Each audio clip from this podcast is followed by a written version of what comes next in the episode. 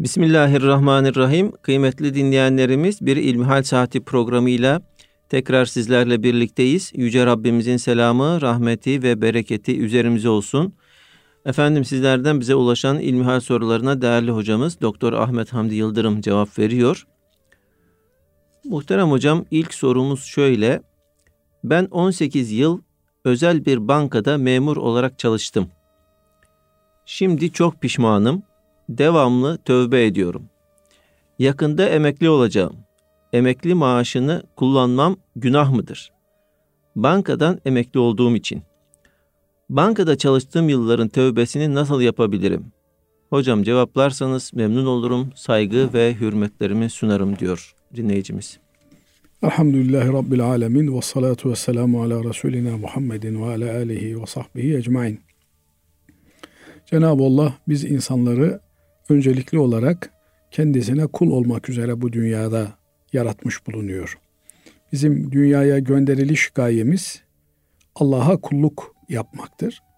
Nitekim bunu bize bildirdiği ayeti kerimelerin devamında ben sizden bir rızık istemiyorum buyuruyor. Ne kendim için ne de kendiniz için bir rızıkla mükellef değilsiniz.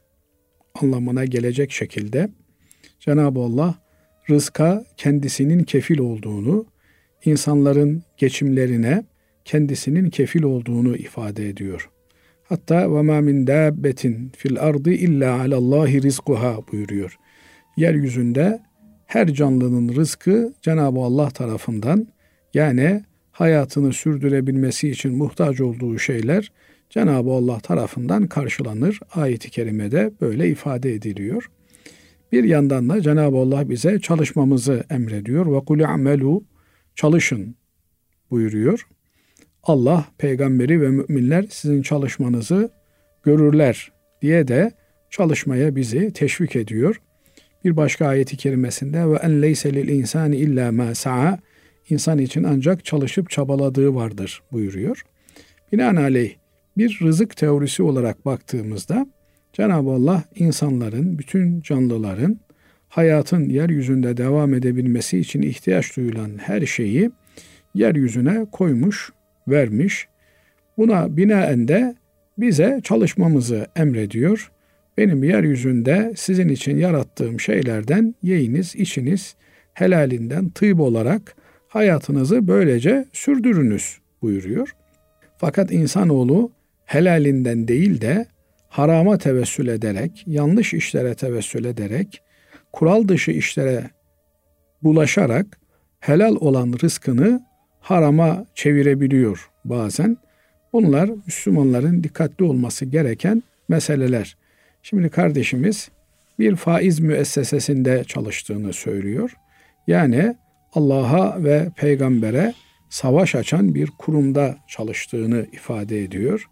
Allah'ın ve peygamberinin karşısındaki cephede, sömürü cephesinde kapitalizmin vahşi, acımasız şekliyle ortaya çıktığı, tezahür ettiği bir müessesede çalıştığını söylüyor. Bugün tabii bu işin bir ekonomik boyutu var. Yani bankaların e, faizle iştikal eden bu müesseselerin topluma ödettikleri acı bir reçete var. Bunu işin ekonomisinden anlayanlar daha iyi biliyorlar. Fakat biz Allah'ın kitabına, peygamberinin sünnetine öylesine iman ettik ki bizim faizin haram olduğunu bildikten sonra onun zararı veya faydası ile ilgili bir fikir yürütme ihtiyacımız bulunmuyor. Allah faizle iştikal etmeyi basit düzeyde faiz alıp vermeyi Allah ve Resulüne savaş olarak bildiriyor. Kaldı ki bankacılık sistemi üzerinden yapılan bu faizli işlemler bizatihi kendisi bu sistemin bizatihi kendisi bir vahşi kapitalizm olarak Allah ve Resulüne savaş anlamına geliyor. Cenab-ı Allah kullarından birbirleriyle kardeş olmalarını, birbirlerine yardımcı olmalarını, aralarındaki fazileti ve erdemi unutmamalarını öğütlüyor. İnsanlar birbirlerine muhtaç olarak yaratılmışlardır. Herkes birbirine muhtaçtır. Kimse ben dünyada bütün işlerimi kendi başıma hallederim diyemez. Fakat burada bir takım denklemleri birileri farklı yönlere çeker ve bir sömürü aygıtı haline getirirse bu ihtiyacı burada uzun vadeli, kısa vadeli, orta vadeli çok ciddi problemler ortaya çıkar. Bugün yaşamış olduğumuz özellikle de ülkemizdeki ekonomik sıkıntıların temelinde bu bankacılık sistemi bulunuyor. Bakın faizdir demiyorum. Bu bankacılık sisteminin kendisi bulunuyor. Belki de bunun içerisinde faiz en masum bir enstrüman olarak karşımıza çıkıyor. Birilerinin kalkıp da faizi düşürmeyi bu sömürü düzeniyle mücadele olarak takdim etmesi de anlamsız uğraştan öteye geçmiyor. Binaenaleyh kardeşim büyük bir savaş veriliyor. Bu savaşta Allah'ın istediği kardeşlik nizamını kurulmasıyla şeytanın istediği insanı birbirinin kurdu olarak gören, birbirinin düşmanı olarak gören, birbirinin rakibi olarak gören düzen arasında bir savaş var. Öyle diyor bugün Batı ekonomisi. insan diyor e, insanın kurdudur diyor. Yani bir insan nasıl bir kurt sürüye dadandığında o sürüdeki bütün hayvanları telef ederse bir insan da imkanını bulduğunda, fırsatı ele geçirdiğinde diğer insanları böyle yok eder. Yani kurt ihtiyacı olan bir tane koyunu, bir tane kuzuyu alsa yese belki kimsenin itirazı olmayacak. Niye? İhtiyacı vardı. Açtı. Açtığından dolayı bunu yaptı. Ama öyle yapmıyor. Suriye'ye giriyor 200-300 baş bütün hayvanları telef ediyor. Nihayetinde onların içerisinde bir tanesini yiyebiliyor. İşte kapitalist düzende de birbirinin kurdu haline getirilen insanlar diğer insanları yaşayamaz hale getiriyorlar, nefes alamaz hale getiriyorlar. Ondan sonra vicdan sahibi olan birileri de efendim kazançlarının milyarda birini, milyonda birini, yüz binde birini, on binde birini, binde birini hasılı kelam en Müslüman olanı yüzde iki buçuğunu e, dağıtmak suretiyle vicdanlarını rahatlıklar, rahatlattıklarını düşünüyorlar. Oysa buradaki temel problem hepimizi Allah kendisine kul olarak yaratmıştır. Şöyle düşünmek gerekiyor büyük bir yerde yangın çıkmış. İşte Marmaris'te zaman zaman oluyor Allah muhafaza eylesin. Cenab-ı Allah bütün afatından muhafaza eylesin. Amin. Orada zenginlerin evleri de yanıyor. Fakirlerin gece konduları da yanıyor. Zenginler kardeşim bana ne ben yangınla mücadele edecek adam değilim. Ben kaç tane adam çalıştırıyorum. Kaç liraysa parası vereyim gelsin burada işte marabalar çalışsın, ameleler çalışsın deme lüksüne sahip değildirler. Herkesin evi yanıyor. Herkes elinden gelen gayreti göstermelidir. Bugün dünyada bir yangın yeridir. Bu dünyada insanlar yanıyorlar cayır cayır. Efendim cehennem çukuruna, gayya kuyusuna doğru akın akın gidiyorlar. Efendim ben parasını veririm, ben paramla adam tutarım, hoca tutarım, onlar çalışsınlar, ben çalışmam vesaire filan deme lüksü yoktur kimsenin. Şunu ifade etmeye çalışıyorum. Yani bu dünya hayatında Allah birilerine para verdi diye bu parayla para vermediklerine karşı farklı bir hayat yaşayabileceğini düşünenler, onların kendilerine ekonomik imtiyazlar, sosyal imtiyazlar devşirebilme hakkının olduğunu düşünmeleri asla Müslümanca bir davranış değildir. Bütün hepimizin vazifesi Allah'a kulluktur. Allah'a kulluk her şeyin önünde olmalıdır. Bu kulluğun bir gereği de Allah'ın kullarının da Allah'a kul olabilmesi için onlara yardımcı olmaktır. Oysa faiz müesseseleri böyle bir kullukta yardımcı olmak değil, ihtiyacı sömürmek üzere kurulmuştur. Düşman cephesinde Müslüman tarafa doğru kurşun sıkmaya benzer burada çalışmak. Binaenaleyh buradaki kardeşlerimizin bir an önce kendi konumlarını gözden geçirmeleri lazım gelir. Efendim on binler, binler, yüz binler buralarda çalışıyorlar. Benim buradan ayrılmam bu sisteme karşı bir başkaldırı olarak bile görülmez diyerek kimse kendisini bu mücadelenin dışında görmesin. Hepimiz kendimizi kurtarma endişesi içerisinde olmalıyız. Bu yönüyle de birilerinin şöyle saçma sapan ifadeleri de çok haksız ifadelerdir. Efendim Müslüman zengin olduğunda daha büyük hizmet eder. Doğrudur. Müslüman zengin olduğunda daha büyük hizmet edebilir. Ama bu zenginlik haramdan gelen bir zenginlik olmayacak. Başından beri helal hassasiyetiyle kazanılmış bir zenginlik olacak. Parayı nasıl olursa olsun elde edelim, ondan sonra hayır hasanatta kullanırız diye bir anlam olmaz. Binaenaleyh eğer bu kardeşimiz başka bir iş yapamadığından dolayı, zorunluluktan dolayı, memlekette aç kalma tehlikesi de bulunduğundan dolayı böyle bir müessesede çalışmışsa belki burada zaruret miktarı hükümler geçerli olur. Ama öyle değilse keyfe keder daha fazla veriyor, daha fazla sosyal imkanları var, daha fazla efendim primi var vesairesi var diye tercih edilmişse bu yanlış bir tercihtir, hatalı bir tercihtir. Hatanın neresinden dönülürse dönülsün kardır. Elbette burada meydana gelen birikimleri de buraya bırakmak doğru değildir. Bunları da işte bu faiz müesseselerinin, bankacılık sisteminin halktan çaldığı çünkü batılı düşünürler de bunu zaman zaman söylüyorlar. Eğer uluslararası boyutta bir hırsızlık yapmak istiyorsan o zaman banka kurman lazım gelir diyorlar. Niye? İşte 10 lira mevduat topluyorsun, 20 lira mevduat topluyorsun, 100 lira borç veriyorsun. Hadi bunun 10 lirası, 20 lirası topladığın mevduatın karşılığı olarak verdiğin borç. 80 lirayı kimin cebinden kime borç olarak veriyorsun?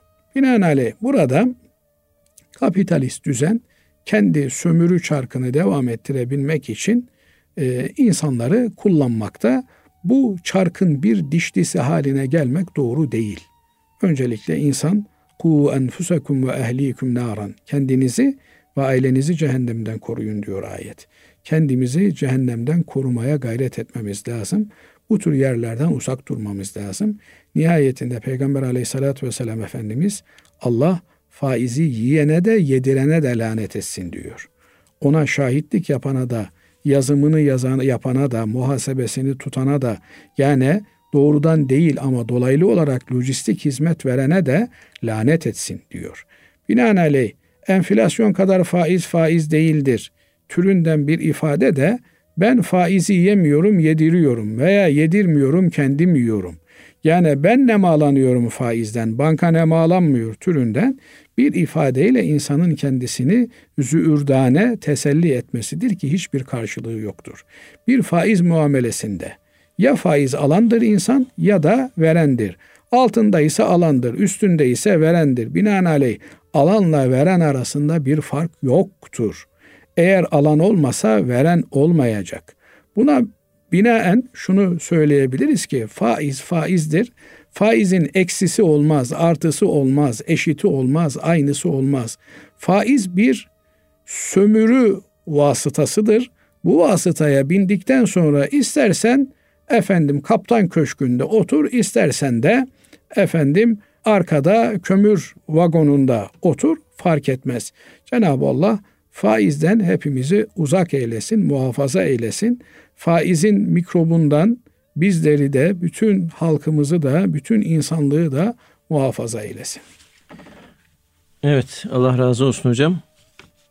Değerli hocam şimdi kurbanla ilgili e, sorular gelmeye başladı. Büyükbaş kurban için ortaklığa giriyoruz. Fakat diğer kişilerin et için mi yoksa ibadet maksadıyla mı kurban kestiklerini bilmemiz mümkün değil. Bu durumda nasıl hareket etmeliyiz? Şimdi Cenab-ı Allah bizi insanlar olarak toplu olarak yaratmış. Binaenaleyh ferdiyetçi bir yaklaşım doğru değil. Maalesef bugün 21. yüzyılda bütün bir insanlık olarak belki Müslümanlar bu noktada biraz daha avantajlı durumdadırlar ama bireyselci yaklaşımın egemen olduğunu görüyoruz. Herkes kendi başına yaşıyor. Olabildiğince bölünmüş, parçalanmış. Bir aidiyet duygusu olmayan parçalar olarak yaşadığımızı görüyoruz. Artık aile mefhumu da dağılmış. İnsanlar 18 yaşında aileden kopuyorlar. Kendi başlarına ev açıyorlar. Evli olan insanlar bir müddet sonra bakıyorsunuz eften püften sebeplerden dolayı ayrılmışlar. Evler bölünmüş, yuvalar bölünmüş. Herkes tek başına yaşıyor. Tek başına yaşamanın çok ağır maliyetleri var. Bundan dolayıdır ki Cenab-ı Allah bize tek başıma yaşamamamızı, cemaatin içerisinde olmamızı emrediyor. Hatta bir rivayette İslam'ın cemaate olan ihtiyacı, cemaatin İslam'a olan ihtiyacından daha yoğundur deniliyor. Şöyle ki, İslam cemaat halinde yaşanır. Müslümanlar bir toplum halinde yaşarlar. İşte günde beş vakit camiye, cemaate gidiyoruz. Camiye gidemesek de evlerimizde en azından bulunduğumuz yerlerde cemaat olmamız bizden isteniyor. Niye? Çünkü cemaat halinde namazını kılan bir insan o birlikteliği, o cemaati sadece namazla e, dar bir çerçevede tutmaz. Bu aynı zamanda sosyal alana, ekonomik alana, diğer alanlara da o birlikteliklerini taşırlar. Ama maalesef bugün benim gözlemlediğim camide namazımızı kılıyoruz, dağılıyoruz. Yan yana saf safa durduğumuz insanlardan haberimiz olmuyor. Onların dertlerinden, sıkıntılarından haberimiz olmuyor. Bu yönüyle de imamlarımıza, müezzinlerimize, buralarda din hizmetleri ifa eden kardeşlerimize bir takım namaz dışı aktiviteler yapmak da düşer diye düşünüyorum. Yani sabah kahvaltılı efendim e, sabah namazı buluşmaları veya akşam e, affedersiniz çiğ köfte partisi buluşmaları böyle insanların birbirleriyle kaynaşabilecekleri, tanışabilecekleri, çocukları üzerinden de olsa görüşebilecekleri, birbirlerini tanıyabilecekleri ortamları oluşturmaya gayret etmemiz gerekiyor. Elhamdülillah son zamanlarda da bunun birçok camimizde yapıldığını da görüyoruz. Özellikle genç olan, heyecanlı olan, ruhen diri olan imamlarımızın böyle sabah buluşmaları yaptıkları, akşam buluşmaları yaptıkları, gençleri topladıkları, efendim caminin müştemilatında uygun bir yere gençlerin e, zevk alabilecekleri bir takım aparatları koyup onları oralarda bir araya getirmeye gayret ettiklerini görüyoruz ki bunlar önemli şeyler. Binaenaleyh bir Müslüman eğer bir camiye gidiyorsa, arada bir de olsa camiye gidiyorsa, efendim bir takım Müslümanlarla oturup kalkıyorsa, haftada bir sohbeti varsa, bu insanın e, kurban bayramında yedi kişi bir araya gelip de bir ineğe ortak olabilecek kadar bir sosyalleşmelerinin olduğu açıktır. Ama bir kimse hiçbir Müslümanla selamı sabahı yoksa, eyvallahı yoksa, tek başına yaşamışsa, kendi başına kalmışsa o zaman bu kimse zaten kendisini kurban etmiş demektir. Binaenaleyh mutlak surette biz hayatımızı bir cemaatin içerisinde öncelikle de e, mahallemizin, mescidimizin cami cemaatinin içerisinde geçirmemiz lazım gelir. Bazen şimdi cemaat denilince insanlar farklı şeyler anlıyorlar. Okullar bir cemaattir. Efendim spor kulüpleri bir cemaattir. İnsanların bir araya geldikleri, aynı havayı soludukları, birbirleriyle konuştukları, dertleştikleri her yer birer cemaattir. Bu anlamda kahvehaneler evet kötü cemaatlerdir ama insanların bir araya geldiği yerlerdir.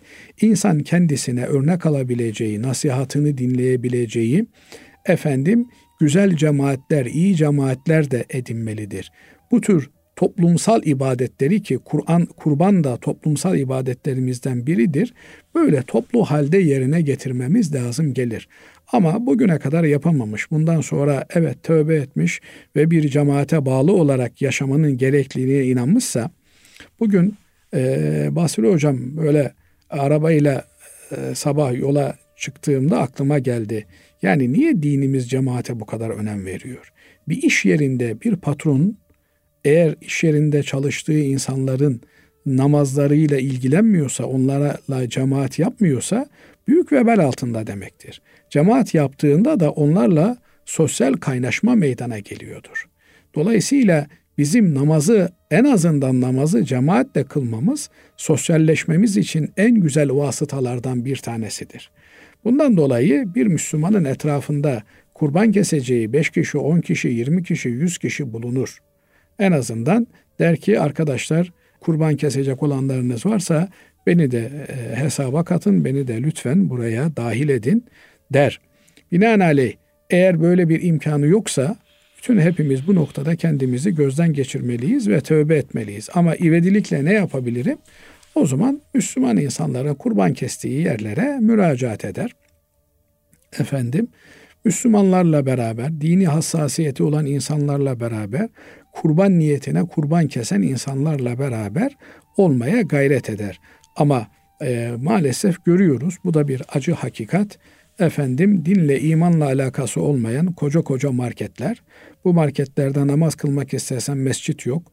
Abdest almak istesen ona uygun bir lavabo yok. Tesettürlü insan çalıştırmazlar. Ama kurban olduğunda efendim siz parayı verin biz size eti ulaştırırız. Peki kime kestireceğim bu kurbanları? Sen tesettürlü insana tahammül edemiyorsun. Çalışanlarının içerisinde namaz kılan insana tahammül edemiyorsun. Kime kestireceğim bu kurbanları? Yine eğer kendi düşüncenden başka insanlarla aynı hayvana yani dini imanı şüpheli olan kimselerle eğer büyük baş hayvana ortak olacaksa bir insan burada da onun kurbanı zedelenmiştir. Çünkü asgari şartı o yedi ortağın yedisinin de Müslüman olmasıdır. Müslüman olduktan sonra da bu Müslümanların et için değil de ibadet maksadıyla efendim akika olur, kurban e, şükür kurbanı olur, efendim nafile kurban olur, vacip kurban olur. Neyse kurban maksadıyla bu e, büyükbaş hayvana ortak olmalarıdır. Bu yönüyle kardeşlerimizin mutlak surette sorup sormaları, araştırmaları, efendim diğer hissedarların da ya bizzat kendilerinden haberdar olmaları gerekir. Şimdi e, yani bu vekaletle kurban meselesi e, çok önemli bir mesele. Bir insan lalet tayin bir kimseye vekalet veremez. Yani burada bütün mesele o hayvanın kesilmiş olması meselesi değil. O hayvanın dini usullere göre kesilmiş olması gerekir. Onun için din, diyanet hassasiyeti olan müesseselere itimat etmek gerekir. Onlarla beraber muhakkak takip ederek hayvanlarımızın kesilişini görerek bu ibadetimizi yapmamız lazım gelir. Yoksa kurban ibadeti bir para ver et al ibadeti değildir. Nitekim kestiğimiz hayvanların ne etleri ne kanları Cenab-ı Allah'a gitmiyor. Bizim takvamız, bizim halisane niyetlerimiz, kulluğumuz Cenab-ı Allah'a arz edebileceğimiz e, meseledir. Bundan dolayı da e, bu meselelerde hassasiyet gösterilmesi gerekir. Evet Allah razı olsun kıymetli hocam. Değerli dinleyenlerimiz şimdi kısa bir ara vereceğiz. Aradan sonra kaldığımız yerden devam edeceğiz. Kıymetli dinleyenlerimiz İlmihal Saati programımıza kaldığımız yerden devam ediyoruz. Doktor Ahmet Hamdi Yıldırım hocamız sizlerden bize ulaşan ilmihal sorularına cevap veriyor. Değerli hocam, dinleyicimiz şöyle bize yazmış. Hacca giderken herkesten helallik almak mecburi midir? Şimdi hacca giderken veya gitmeden e, ama ölmeden herkesten helallik almak gerekir. Niye? Çünkü e, kıyamete gitmiş olan kimselerin karşılaşabilecekleri en büyük sıkıntı ahirete irtihal etmiş olanların kul haklarıdır. Kul hakkı ancak helalleşme ile düşürülebilecek olan bir haktır. Eğer bir kul hakkına girmiş olarak ahirete giderse bir insan onun e, hesabı çetin olur. Karşılaşacağı muamele kaldırılabilecek bir muamele olmaz. Eskiden haç yolculuğu da uzun bir yolculuk, tehlikeleri olan bir yolculuk. Nitekim bütün yolculuklar öyledir. Nihayetinde arabaya bindiğinizde de evinizdeyikenden daha fazla kaza yapma ihtimaliniz vardır. Uçağa biniyorsunuz, otobüse biniyorsunuz, gemiye biniyorsunuz veya develerle yolculuk yapıyorsunuz. Bunun yol kesenleri var, eşkıyaları var, tehlikeli bir süreci var. Gitmek gelmemek var, gelip de bulmamak var. Binaenaleyh böyle yolculuklara giderken insanlar her ihtimale binaen helalleşme ihtiyacı hissederler. Kaldı ki hac ibadeti eğer makbul bir hac olursa insan keyevmi veledethu ummuhu annesinden doğduğu ilk günkü gibi tertemiz, ak, pak hale gelir. Sadece kul hakları müstesna. Eğer e, kullarla da helalleşmiş ise yani kendisiyle bir hukuku olmuş olan insanlarla bir davası olmuş helalleşme meselesi olmuş insanlarla da helalleşmiş ise o zaman bu kimse daha rahat bir şekilde hac ibadetini yapar ve makbul bir haçta da bütün günahlarından kurtulmuş olur. Ama bu mesele haccın bir e, farzı veya vacibi değil. Haccın bir edebidir. Aslında bütün yolculukların bir edebidir, adabıdır. İnsan e, tehlikeli olan bir ameliyata girdiğinde veya tehlikeli olan bir iş yapacağında, yolculuğa çıkacağında ki haç da bir yolculuktur.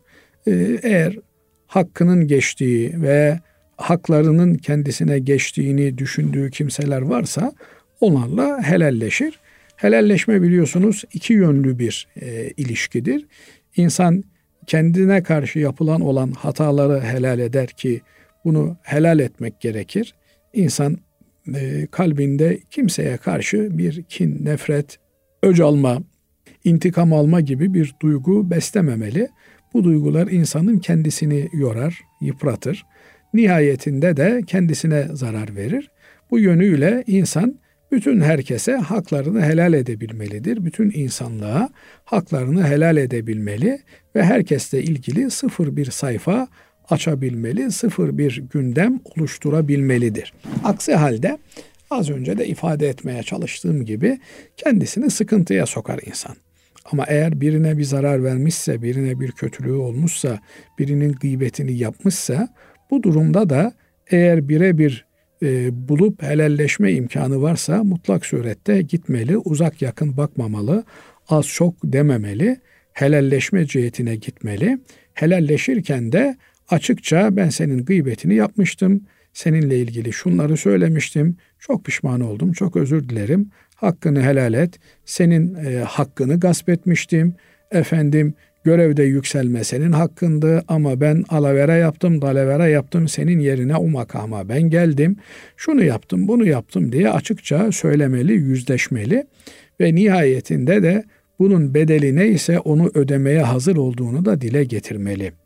İnanın bu dünyada ödediğimiz bedel ne olursa olsun kıyamette ödeyeceğimizin yanında hiçbir ehemmiyeti yoktur. Çünkü Efendimiz Aleyhisselatü Vesselam buyuruyor ki müflis kimdir? İflas etmiş olan kimdir? Sahabe efendilerimiz diyorlar ki ya Resulallah bizim bildiğimiz adamın serveti vardı. Servetini kaybetmiş olan kimseye müflis denilir. Efendimiz diyor ki yok diyor. Adamın çok ameli var, namazı var, orucu var, haccı var, zekatı var. Efendim dağlar dolusu sevapla kıyamet gününe gelmiş ama terazi kurulduğunda, alacaklılar geldiğinde Birine saymış, öbürüne sövmüş, öbürünün hakkını yemiş, birinkinin malını gasp etmiş. Alacaklılar haklarını aldıklarında namazlar gitmiş, oruçlar gitmiş, haç gitmiş, zekat gitmiş. Artık verecek bir şeyi kalmamış.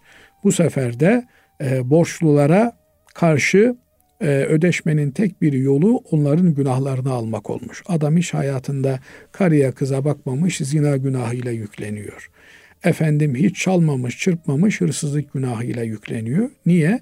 Birilerinin hakkına girmiş, gıybetini yapmış, dedikodusunu yapmış, saymış, sövmüş.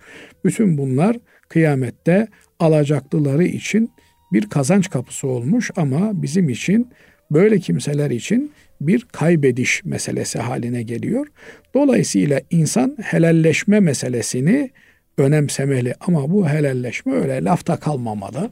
Efendim bana hakkını helal et, bana hakkını helal et edeyim de senin yaptıklarından bildiklerim var, bilmediklerim var.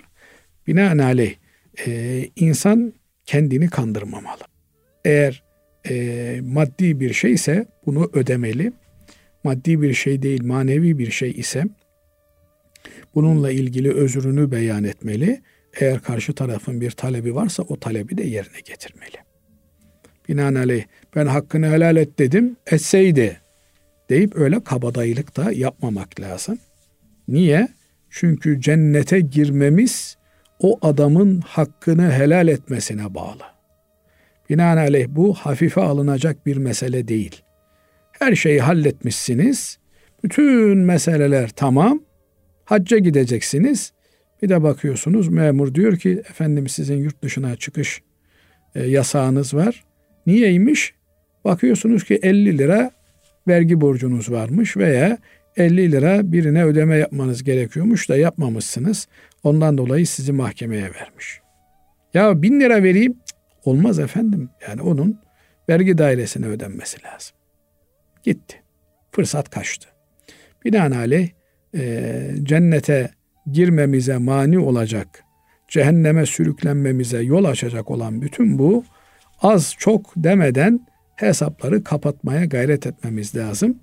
Haç da bir cennete giriş provası olduğu için bu nedenle önemli bir yolculuk. Her yolculukta olduğu gibi haçta da muhtemelen e, efendim alışverişimiz olmuş, hukukumuz gelişmiş kimselerle helalleşerek gitmemiz lazım. Ama en önemlisi ölmeden önce mutlak surette hem kendimiz hem de hak ile ilgili bir sıkıntı yaşadığımız muhatabımız ölmeden önce bu helalleşme meselesini gerçekleştirmemiz lazım. Dolayısıyla bugün o gündür. Bunu yarına bırakmamak lazım. Evet. Efendim şimdi yine kurbanla ilgili e, başka bir soru var. Muhterem hocam diyor dinleyicimiz. Ben Türkiye dışında yaşıyorum. Avrupalı arkadaşlarım kurbanların kesilmesi için bana geçen yıl para vermişlerdi. Fakat ben organize edip kesemedim. Şimdi bu sene o para ise yetersiz. Ben üstünü tamamlayarak onların kurbanlarını kestirmek istiyorum. Böyle yaparsam doğru yapmış olur muyum? Şimdi tabi kurban bir ibadet. Bu ibadetin ehemmiyetinin, şuurunda, öneminin farkında olmak lazım. Lalet tayin bir ibadet değil, kurban bir ibadeti. Bazen sünnet, bazen vacip diye söylenerek bu ibadetin e, önemsizleştirilmesi olabiliyor. Oysa kurban ibadeti en önemli ibadetlerimizden biri. E, bu işin ibadet olması ayrı bir meseledir. O ibadetin fertler açısından, mükellefler açısından yerine getirilme e, nitelemesinin farzdır, vaciptir, sünnettir. O ayrı bir mesele. Binaenaleyh kurban ibadeti adı üstünde Cenab-ı Allah'a yakınlaşmamıza vesile olan önemli ibadetlerimizden biri. Bunu bir kimse eğer kendisi e, teknik olarak muktedir olmadığından dolayı efendim nedir? Hayvanı bulmak bir mesele. Eskiden köylerde herkesin belki avlusunda, ağılında, ahırında bir hayvan vardı. Ama şimdi öyle değil. Köylerde bile hayvanı bulmak sıkıntı. Hele de şehirlerde yaşıyorsa bir insan, hele de gayrimüslim bir diyarda yaşıyorsa hayvanı bulacak, onu kesebilecek, kesebilecek imkanını bulacak. Efendim sokaklarda kesilmiyor, bahçelerde kesilmiyor, mezbahana olması lazım. Bir sürü teferruatı var artık bugün şehir hayatında yaşayanların kurban ibadetini yerine getirmeleri de e, eskisi gibi kolay değil. Bundan dolayı bu işi yapabilecek kabiliyeti olduğuna inandığı bir kimseye vekalet vermiş. Ona sen kes demiş veya işte yurt dışında kestirebildiğin yerler varsa oralarda benim adıma bu kurbanı kestir diye söylemiş. Birinci olarak bu kardeşimiz e, vazifesinin ciddiyetinin farkında olmalı. Kestirmeli, kestirememişse yani vekaletin gereğini yerine getirememişse o zaman ilgili kimselere paralarını iade etmeli, haber vermeli. Demeli ki kardeşim ben sizin kurbanınızı kestiremedim. Böyle bir sorumluluk aldım. Böyle bir vazifeyi üstlendim ama maalesef e, işin hakkını yerine getiremedim. Efendim e, bu kurbanları kesemedim diyerek namuslu bir şekilde neticeyi bildirmeli. Bunu saklamak asla doğru bir şey olmaz. Ne yapılması lazım?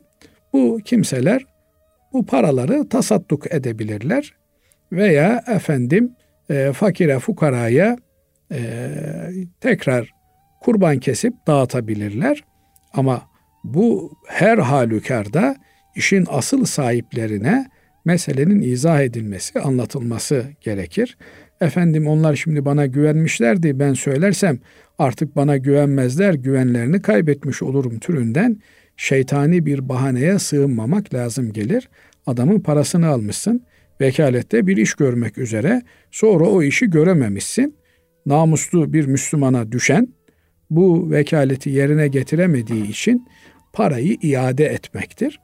Veya efendim böyle böyle oldu bir mazeretten dolayı kesemedik, edemedik. Şimdi isterseniz parayı size iade edeyim, isterseniz filan yere, filan fakire sizin adınıza vereyim veya yine kurban vakti geçti ama kurban keselim e, ve bu eti fakirlere, fukaraya dağıtalım diye bildirmesi lazım. Şimdi gelelim bildirmemişse yapılacak olan meseleye ivedilikle bunu bildirmesi lazım gelir. Onlara ben bildirmesem de bugün işte 100 dolar toplamıştım. Şimdi 150 dolar oldu. 50 dolara da cebimden koysam bu işin günahını örtmüş olabilir miyim? Bir defa o parayı e, cebinde bugüne kadar bulunduruyor olması, tutuyor olması bir vebaldir, bir haktır. Binaenaleyh bundan dolayı da bir sorumluluk terettüp etmiştir. Bugün o 100 liranın yerine 1000 lira da verse bu kimselere bunun bilgisini vermeden, bunun neticesini e, anlatmadan bu yaptığı doğru olmaz. E, ama bilgisini verdikten sonra e, onlarla nasıl anlaşırlarsa öyle geçmiş senenin kurban bedelini fakire fukaraya dağıtırlar veya kurban keserler. Efendim geçmiş senenin e, adına kazaen onun etini fakire fukaraya dağıtırlar. Binaenaleyh burada da e, ben e, Basri kardeşimin kurbanını kendim bir hayvan alıp kesebilir miyim? Kesebilirim. Ona derim ki Basri Bey bir koç aldım onu sizin kurbanınız olarak Allah rızası için keseceğim inşallah. Bana müsaadeniz var mı? Var derse onun kurbanı adına olmuş olur. İlla parayı oradan almam gerekmiyor. İnsanlar birbirlerine kurbanlık hediye edebilirler. Veya bir kurbanlık parası aldın 100 lira ama gördün ki daha besili olan bir hayvan var. Bu fakir fukaraya gidecek. 50 lira da ben Basri hocama bağışlayayım, hediye edeyim. Binaenaleyh onun adına bu hayvanı alayım ve onun adına keseyim dese bir insan bu kurbanda bir sakınca olmuş olmaz, bir problem doğmuş olmaz. Önemli olan e, kurbanın kesilmeden önce ilgili şahsa hediye edilmesi, onun mülküne geçmesi meselesidir. E, böyle olduktan sonra onun kurbanı geçerlidir. Evet Allah razı olsun hocam. Efendim diğer bir sorumuz şöyle. Fakir çocukları evlendirmek ve sünnet ettirmek için harcanan para zekat yerine geçer mi? Şimdi zekat meselesinde temel bir e, nokta şu. O da e, Cenab-ı Allah zekatın kimlere verileceğini bildirdiği ayeti kerimede zekatın ilgili şahısların mülkiyetine geçirilmesini ifade edecek şekilde bizlere emir buyuruyor. Binaenaleyh zekatı bir temlik dediğimiz surette vermemiz gerekiyor. Temlik ne demek? Mülkiyetine geçirmek demek.